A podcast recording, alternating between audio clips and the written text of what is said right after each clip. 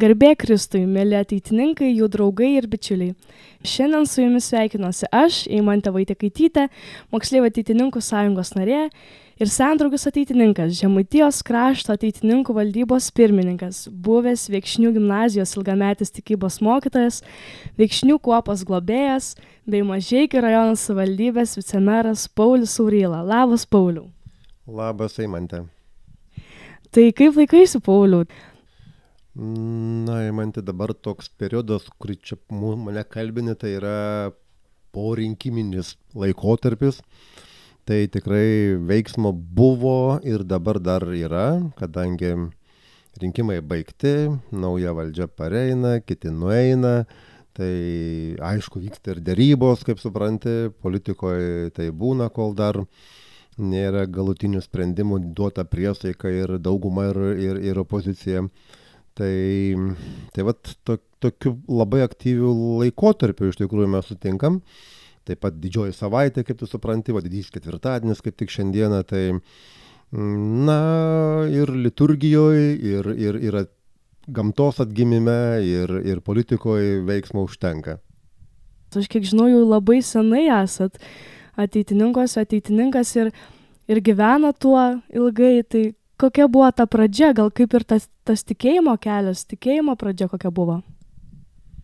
E, su tikėjimu žymiai paprasčiau, kadangi turėjau tikinčią šeimą, tai labai nuosekliai, kaip sakant, jokių ten atsivertimų nebuvo, tiesiog šeimos tradicija gražiai perduota tvarkingai man. Uh, ir tėvelis buvo ilgus metus zakristijonas, tai aš daug iš jo išmokau, paskui ir pačiam teko daug metų ir patarnauti bažnyčioje. Tai viena, o ateitininkuose, tai nepriklausomybėje Lietuvos atsikuriant ir mūsų šeima, ir, ir man pačiam, vat, kaip sakau, tėvų pavyzdys visada daug duoda jaunimui ir jaunai kartai Jie buvo tokie patriotai, kovotojai už laisvę, už nepriklausomybę, sąjudis, paskui Baltijos kelias. Ir tame tarpe įvairios organizacijos atsikurdavo Lietuvoje, tame tarpe grįžus um, žygui ir kitiem čia 89 metais, beros pirmas suvažiavimas atkuriamasis ir parapijos klebonai tokie aktyvūs buvo, vat, ko dar pasisgendam šiais laikais į kunigą sako, reikia Pauliau važiuoti, o aš buvau greičiausiai koks vienuoliktokas, gal dešimtokas, važiuoti Vilnių. Net nežinau ko, nesupratau ko, atvažiuos autobusas, priims, bet galvoju, nieko savo, pamokų metu, penktadienis, kodėlgi ne, dar klebonas davė 25 rublius, tai sako, dar surask tris draugus, tai aš sesę pasimėjau ir sesę draugę. ir mes trysę iš veikšnių išvažiavom ir pasirodo pataikėm į atkuriamąją ateitininkus važiavimą. o iš mažiekių ten tokia zosytė buvo, vienuolė sesė, tai buvo surinkusi čia gal iš viso žemaitijos, gal iš mūsų krašto mažiau mažiekiai, čia atveikšniai. Tai visą autobusą ir mes nuvažiavom ten kokį 40 žmonių ir tikrai moks, dar prisimintant moksleivių namuose, berots Vilniuje vyko suvažiavimas, tai salė pilnutėlė, bet nelabai supratom, ką ten kalba, bet sudalyvavom, dvasę pajutom.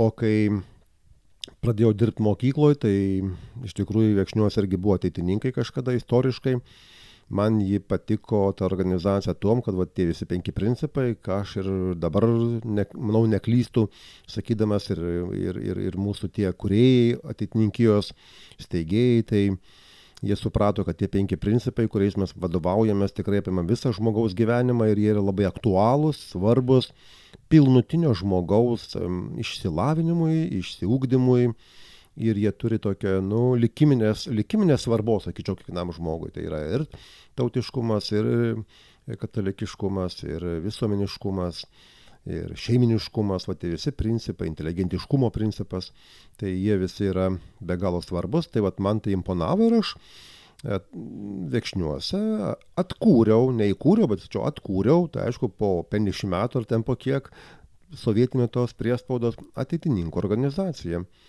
Nors aš jau radau užuomasgą, ten buvo vargoninkas, Lizdenis Vitalis, pradžią padaręs, tai man tik bereikėjo, kaip sakant, dar sutelkti kartelį, paskui jau po 2-3 metų mes įregistravom oficialiai ir vat šiais metais mes šventėm 25 metų sukakti Jo, tai jau oficialiai, bet mes dar tris metus kokius veikėm prieš tai. Tai jeigu taip viską sudėti, tai beveik apie 30 metų jau kaip viekšniuose vat, veikia atitininkų organizacija. Tai vat, taip ir aš pats.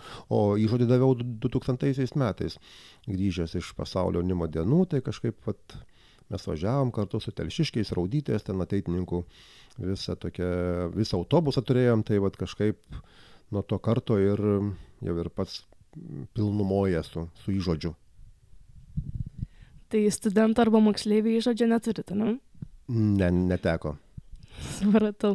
Labai džiugu, jūsų kopa tikrai tokia didelė, galiu pasakyti, tikriausiai didžiausia Lietuvoje ir labai džiaugiamės mes visi tokiu gausiu būriu, kaip jūs subūrė tą jaunimą ir labai gražu žiūrėti, visada tokie pilni ir daug energijos, šypso, man atrodo, labai gyva kuopa. E, matom ir kažkaip pastebėm jūs kaip lyderį daug kur. Kaip manot, kas yra krikščioniška lyderystė ir ar kiekvienas gali būti lyderiu? Pabandyti gali kiekvienas ir taip įsiaiškinti, ar gali būti. Tai privalu tikriausiai kiekvienam. Ar gali kiekvienas? Tikėtinai, kad ne. Nu, greičiausiai yra tam tikros savybės reikalingos lyderiavimui. Bet jeigu nori, aš manau, labai atkakliai jis galėtų išsiugdyti savybės. Nes jeigu tu esi perdėm tylus arba tau charakteris perdėm ramus, nu greičiausia tu negalėsi įkvėpti žmonių, ypatingai tu gal pavienių, jeigu mažesnis būrys, bet jeigu tavo lyderystė va, apima ten organizaciją, dydį kažkokį tai arba, mm, nu, tada suvaldyti, čia jau, kaip sakant, geriausia, kad lyderiai būtų mokytojai. pamatus deda ir įvairios organizacijos. Čia paminėčiau ir skautai, ir šauliai, ir ateitininkai savaime suprantama. Vat tie žmonės, kurie yra pabuvę įvairiose neformaliose organizacijose, jie tada tikrai būna puikus, manau, čia netgi darbdaviams, kaip sakant, perlai tokie krenta į rankas kad tada jie nu, gali save parodyti ir darbuose, ir šeimos gyvenime, ir namuose. Ar pats dalyvaujat kokiose stovyklose kaip dalyvis vaikystėje ar paauglystėje? Gal tai pačiu, pačiose ateitininkų stovyklose kokiose, ar kaip vadovas, gal birčiūnuose esat buvęs? Ne, man neteko, kadangi aš mokyklą užbaigiau 92 tai tai man teko sąjūdžio laikai tai vat aš dalyvavau kur aš dalyvavau sausio tryliktos įvykiuose baltijos kely. A, tai vat šitie įvykiai kurie buvo labiau tokie atbundančios lietuvos įvykiai tokio tautinio sąmoningumo įkvėpti.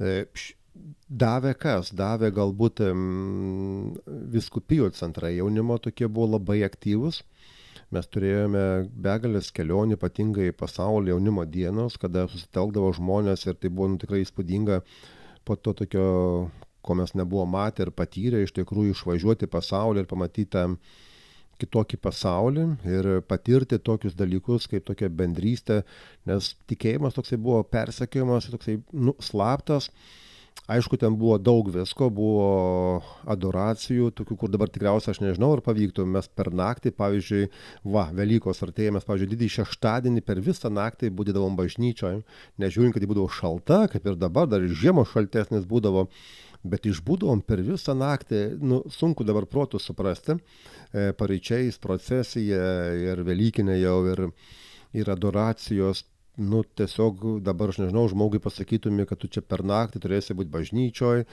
ten giedoti šlovinti melstis ko gero sakytų neįmanomi dalykai žinai mes neištversim tiek.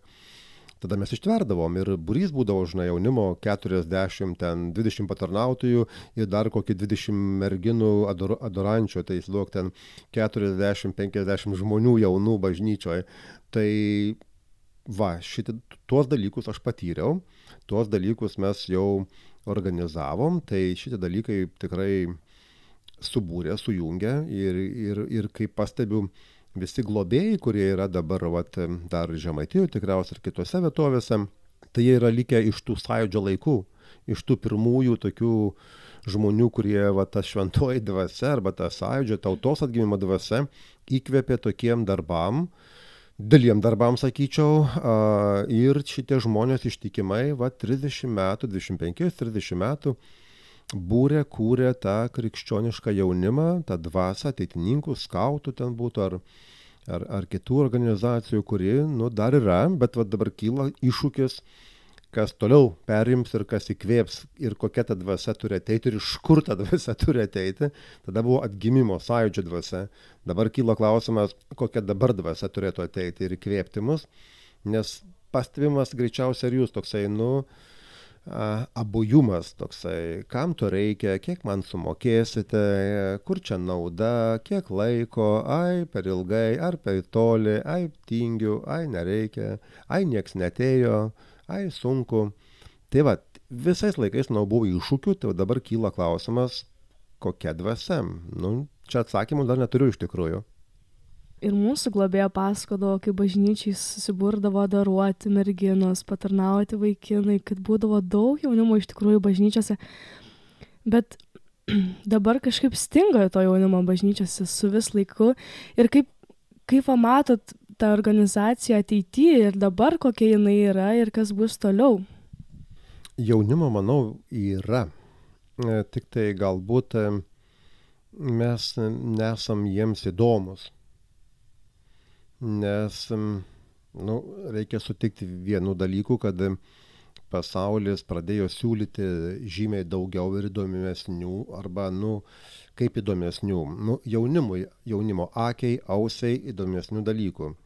E, Liktai to, kaip ir bažnyčia arba organizacija, nors aš abejoju, kitą kartą pati organizacija galėtų kažko tai daugiau pasiūlyti, Nors galbūt mūsų va, ta charizma, kas yra, kaip mes atpažįstame esam atitinkėjai, koks mūsų tikslas, gal yra tokia, nu, ramesnė, labiau tokia, mes žinome, kad ateitininkai labiau pasižymi intelekto ar net, ne tik kaip skautai, ten žygiai, e, buvimas būryje kartu, nors aš manau, kad tai yra irgi dabar didžiulė vertybė. Tiesiog sugebėti vien suburti jaunimą, kad jis kartu tvarkingai, gražiai mokėtų bendrauti, praleisti laiką. Tai šiais laikais jau yra daug. Galbūt ten nepaskaitys knygų, nes ko gero dabar va, ta veikla visa tokia yra mokykloje ar kitose užsiemimuose, nu labai daug atimanti energijos ir va tas galbūt sėdėjimas ir internete, ir telefono, kurie tokie nu labai žmogų išsekina, ištraukia ir jis nebenori ten laisvalaikiu, vakarais arba savaitgaliais dar kartelį grįžti prie tų pačių skaitimų, studijų, diskusijų, nu nebent jos būna labai aktualios ir įdomios. Tuomet taip, tai galima. Bet tai vat, čia yra metodų ieškojimas. Tai nėra lengva iš tikrųjų kiekvieną kartą sužadinti žingeidumą, smalsumą. Va, o tais laikais to smalsumo kažkaip netrūko. Nes kur tu pažvelgdavai, kažkas buvo viskai nauja, nepatirta, neregėta, nebūta. Ir ta, liktai tai sudarė tokią, nu, kaip ir lengvesnę formą jaunam žmogui ateiti. Dabar to smalsumo reikalauja daug kas, kaip sakau, vat, ir jaunimas, nu, išsisklaido.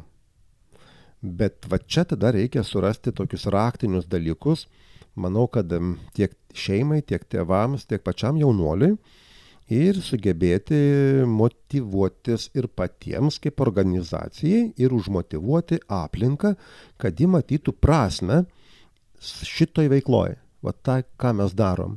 Jeigu mes darom dalykus, kurių, kuriuos mes suprantam, bet nesupranta aplinkiniai, tai jie neteis.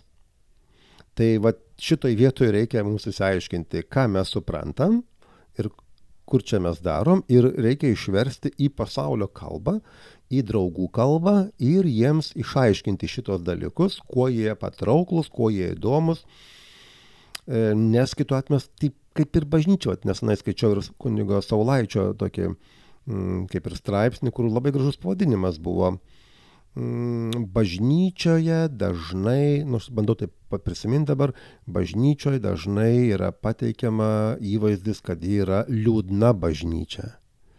Tai va, kodėl mes taip atrodom patys savo ir aplinkiniam, kad mes liūdni. Arba renkamės ten tik liūdėti. Tai aišku, vienas dalykas, kai tu ateini tik tai į laidutuvės, tai tu matai visą laiką ir giesmės girdi liūdnas, Nu, bet kad tikrai kartais ir sekmadienį mes atėję girdim tik tai kažkokį tai liūdėsi ir veiduose matom, ir, ir, ir aplinkoje tvyro visa tokia ta mūsų kultūra, bažnytinė, dvasinė kultūra, nu labai liūdna. Ir mes galvojam, kad va, doras žmogus, ten žinai, arba labai dvasingas žmogus, tai turi būti liūdno veido žmogus. Ir jo ausis ausyse turi skambėti tik tai liūdnos giesmės ir, ir tyla. Tai vad, nu tada turim tą, ką mes turim. Tai vad, jeigu mes tokią aplinką ir kultūrą sukūrėm, tai daug vilčių nėra į tai. Nėra į tai. Aš nemanau, kad krikščionių tikėjimas yra liūdėsio tikėjimas. Tai vad, čia ir mūsų organizacijai, kadangi vis tiek mes turime tą katalikiškumo principą, kaip tokį, sakyčiau, bazinį raktinį, ne? tai aišku, čia ir parapijoms yra iššūkiai, nu, jie turi, turim išmokti tai suprasti ir įveikti, turim sėdėti, diskutuoti ir įsiaiškinti ir mažai žingsneliais visą tą tokią keistą susiformavusią tradiciją, sakyčiau, kuri, nu, nesakyčiau, kad yra šitoje vietoje gera, pakeisti. Tam reikia laiko, tam reikia noro, tam reikia žmonių ir galbūt dar kažkokių tai išteklių. Tai vat viską pasverkim, suskaičiuokim ir aš manau, kad galim keisti. Aš pagalvojau, kad dabar yra tas toksai kartų keitimas metas. Man atrodo, kad tie, kurie e, gimė ir užaugo sovietmečiu, turi kitokį požiūrį negu dabar gimstantis jaunimas ir augantis. Ir tuo pačiu dar galvoju, kaip reikėtų dabar po, po karantino mažėja jaunimo ir organizacijos. Atrodo, prieš karantiną buvo gyvos tos organizacijos, turėjo jaunimo, turėjo aktyvių narių, o karantinas sustabdė. Tai gal tai rodo, kad, kad tose organizacijose jaunimas buvo tik tam, kad linksmai pabūti, o ne, o ne tik, kad jiem kažko duoda vidinio, dvasiško.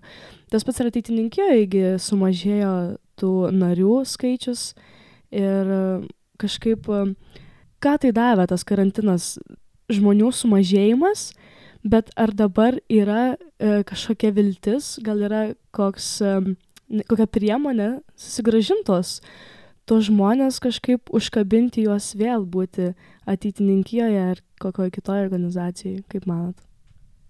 E, greičiausia, čia ne tik pats karantinas kaltas, nu jis mus išgazdino, gal taip sakykime, ir nežinojom, ką, kaip su juo gyventi ir ką daryti iš tikrųjų, ar ne. Šalia visų sunkumų dar vienas sunkumas prisidėjo, va, tas karantinas. Bet problema ne tame iš tikrųjų, problema tame, kad mes karantiną ir toliau rinkdavomės slapta. Tai buvo dar įdomiau, draudžia, mes susirenkam. Gal ne tiek daug, aišku, mes nesirinkdavom ten po 20, ten po 25, bet mes susirinkdavom ten po 5, po 8, tai filmo pažiūrėti ramiai, tai, tai kokią pizzą suvalgyti ar dar kažką va tokio e, visiškai mažai, mažom grupelėm, e, slapta, Ir tai buvo visai, kaip sakant, gerai, iš tikrųjų, netgi labai gerai. Ir kas bijojo, bijojo, tai su vienais per nuotolį pabendravome, vat, kaip ir esame išmokę, su kitais, va, kas nebijojo ateidavo, kiti jau buvo persirgę, kiti pasiskėpė ir paskui išsisprendė viskas taip va. Ir nenutrūko iš tikrųjų, abs veikla absoliučiai nenutrūko. Tai dabar kaip pakeisti, nu, tapti kažkuom tai pranašesniu, įdomesniu už kitus draugus arba tiesiog, aš kaip žinau, poveikį didžiausią daro asmeninis kvietimas. Tai tokia mentorystė iš tikrųjų. Tai vat, jeigu mes dėl kažkokio žmogaus labai pergyvenam ir sielojamės, tai turim tą žmogų asmeniškai ir globoti. Turim jam skirti dėmesio, laiko, jį asmeniškai pakviesti, nes, pavyzdžiui, ir pas mus ateitininkiai Aš pamenu, kad dar vat, ir žiogo ten laikai buvo, ar ne patys pirmieji, tai ateidavo kai kurie mokytojai irgi ten vat, iš santarvės, iš kitų laikraščių yra buvę, interviu imdavo, sakydavo, o prisistatykite, tai ir paaiškėdavo, kad čia tai beveik trečdalis vienos klasės, trečdalis kitos klasės, paskui broliai ir seserys, žinai. Tai gaunasi, va tai kas pakvietė. Ai mane tai klasiokas pakvietė, žinai, o kas tave, ai mane tai brolis atsivedė, žinai. Na tai va, pasaulis kaip ir duoda atsakymus iš tikrųjų. Nu, neteina kažkaip tai stebuklingai pakviesti žmonės, jie ateina labai žmogiškai ir paprastai pakviesti. Paimė už rankos ir atsivedi draugą. Tai ko reikia? Bent vienos degančios širdies, kuri eitų ir uždegtų kitą širdis. Aš pastebiu ir pasigendu e, kuopose to tokio dvasiškumo, gal e, katalikiškumo ir panašiai. Tai taip pat minėjot kad va kunigai yra nebeaktyvūs tokie pasyvūs vien tik savo reikalais tas jaunimas mažai kunigų bedomina. To skatinimo sielovados ateitininkuose kažkaip irgi mažta. Tai kaip įsivaizduojat ar tai labai kenkia organizacijai Nu, viskas, kas nėra daroma, kad auktų, didėtų arba gerėtų situacija, tas kenkia.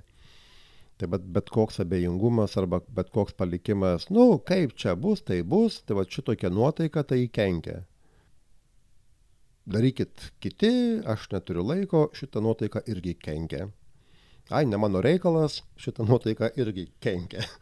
Nu tai tada kyla klausimas apskritai kas yra išganimo teologija tuomet bažnyčioje ar ne nes nu kaip aišku yra daug įvairiausių pasaulyje tų charizmatinių ir judėjimų, ir organizacijų, nu, bet viena iš jų yra ir ateitininkija. Ar gali kažkaip atkakliau bažnyčiose? Nu, taip, aš manau, kad gali ir turėtų, bet čia reikėtų noro, vėlgi va to e, angažuoto noro ir suprasti, kad mes čia esame žemėje, nu misija bent jau bažnyčios tikrai yra išganimas pirmiausia vietoje. Tai dėl šito reikia ir pakovoti sielovada, aš galiu pasakyti, yra trys raktiniai dalykai.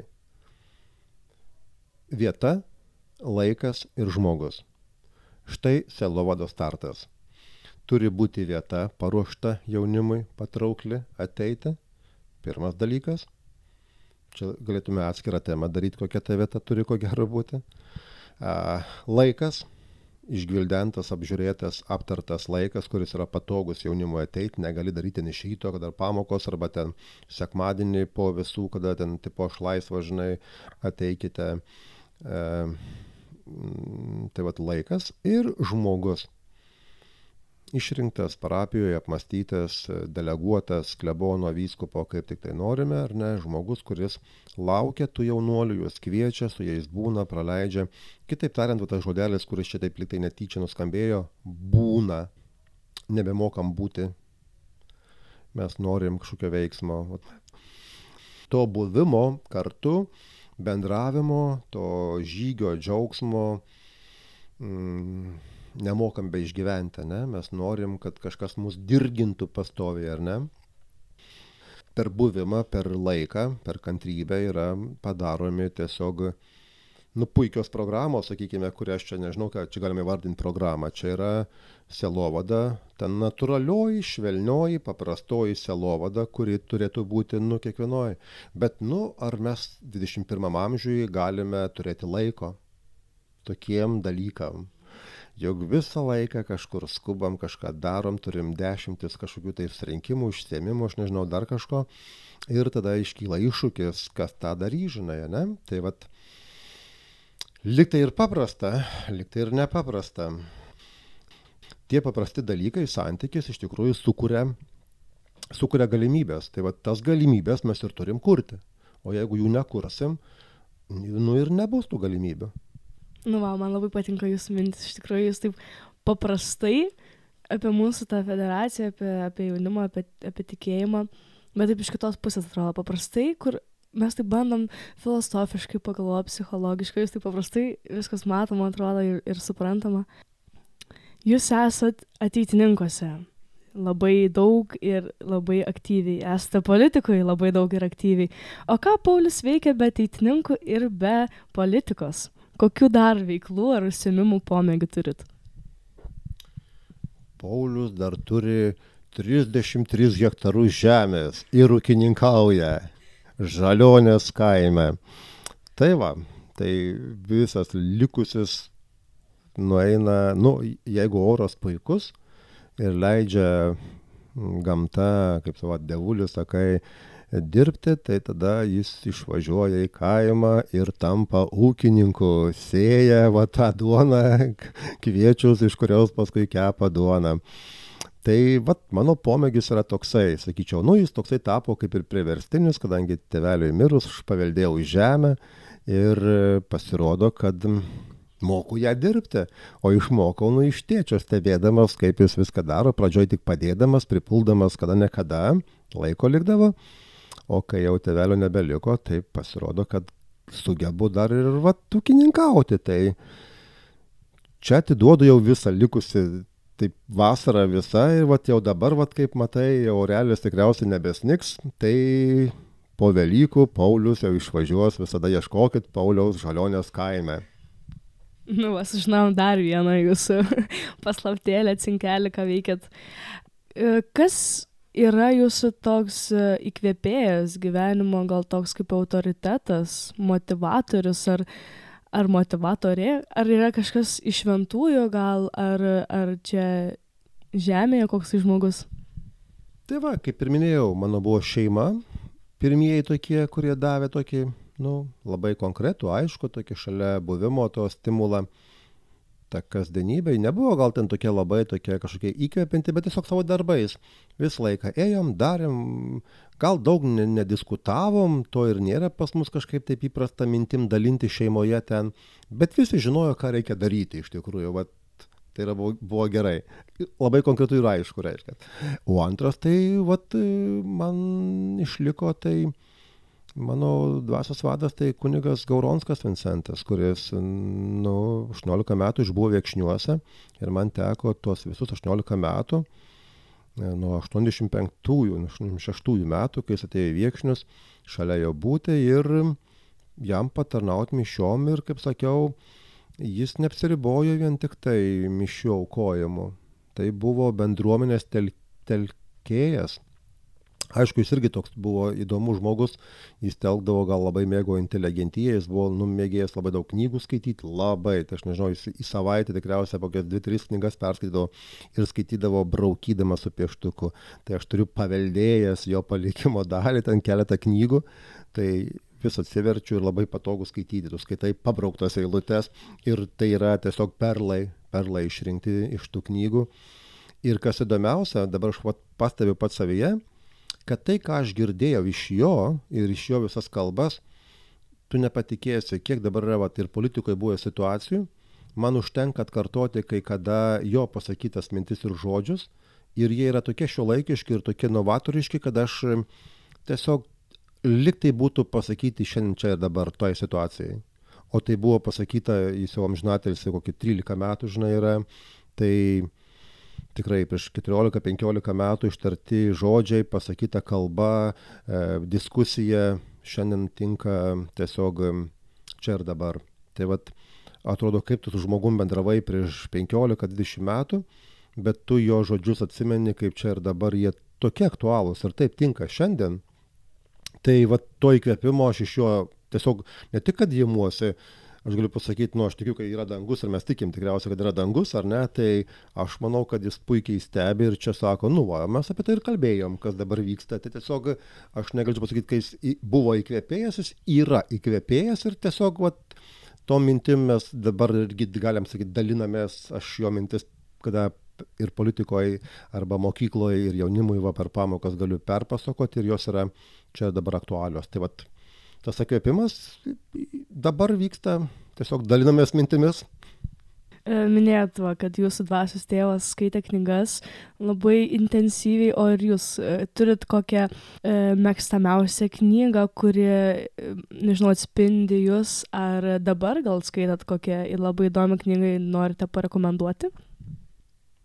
Ateitininkijos, kadangi man su jaunimu darbas buvo labai aktualu ir organizacija, aš visą laiką žiūrėjau, vat, kas yra ta lyderystė ir man taip pat, kas ir labiausiai irgi imponavo, aš tikrai nežinau, gal kokiuose šešiuose ar septyniuose pasaulio lyderystės konferencijose Kalaipėdoje esu buvęs e, LCC universitete, kur buvo organizuojami, dabar žiūriu kitais, šiais metais jau bus e, palangos e, mm, salėje šitoj mm, organizuojamas, kad tikriausiai, kad dar daugiau žmonių galėtų susirinkti ir sudalyvauti. Tikrai tai vertingas dalykas, štai gal būna, kad reklama tikrai reklamuoja pasaulinės lyderystės e, šitą konferenciją bent kartą žmonėms sudalyvauti, nes tai yra tikrai lobis, kuris nu, ir, ir dvasininkams, ir, ir šiaip šeimo žmonėms, ir verslininkams tikrai duoda nu, daug įvairių minčių ir komandinio darbo. Tai vat, ką aš vis ir dabar dar turiu keletą knygų, kur vat, vis žiūriu komandinis darbas, e, kaip jį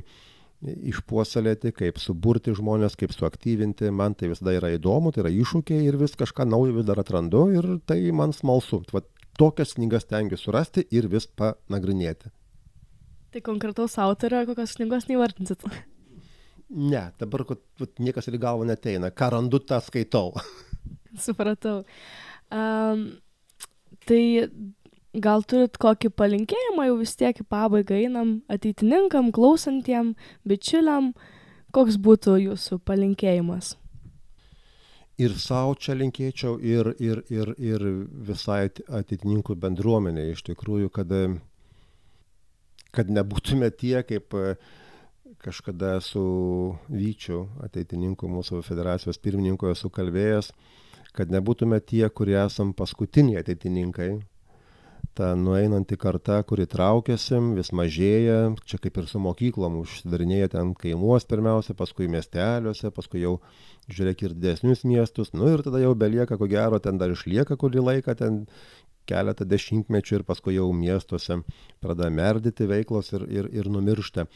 Tai vad norėtųsi, kad mes surastume įvairių formų, įvairių galimybių ir ir tų ambicijų iš tikrųjų, kad ateitininkė suprastume, kaip vat, supratome, kaip tie, kurie kūrė ateitininkų organizaciją ir, ir tikrai, manau, tikėjo ir, ir, ir tiki, kad ji yra gera, reikalinga, daug galinti duoti šeimai ir žmogui ir bendruomeniai ir į tai rastume noro ir laiko investuoti. Tai vad, mm, skirkim laiko diskusijom, vad maldai, Velykų laikas puikus čia yra tam, gali pasitarnauti, kaip mums savo veiklą suaktyvinti, kaip mums rasti tos ugnies, tos vat, šventosios dvasios, kuri padėtų mums įsikvėpti patiems ir vat, kad mes įsikvėpę galėtume būtent tą degančią širdim, kurią uždegsime kitus. Nes iš tikrųjų organizacija kitaip, nu žiūrėkime, ir Jėzus kitaip neveikia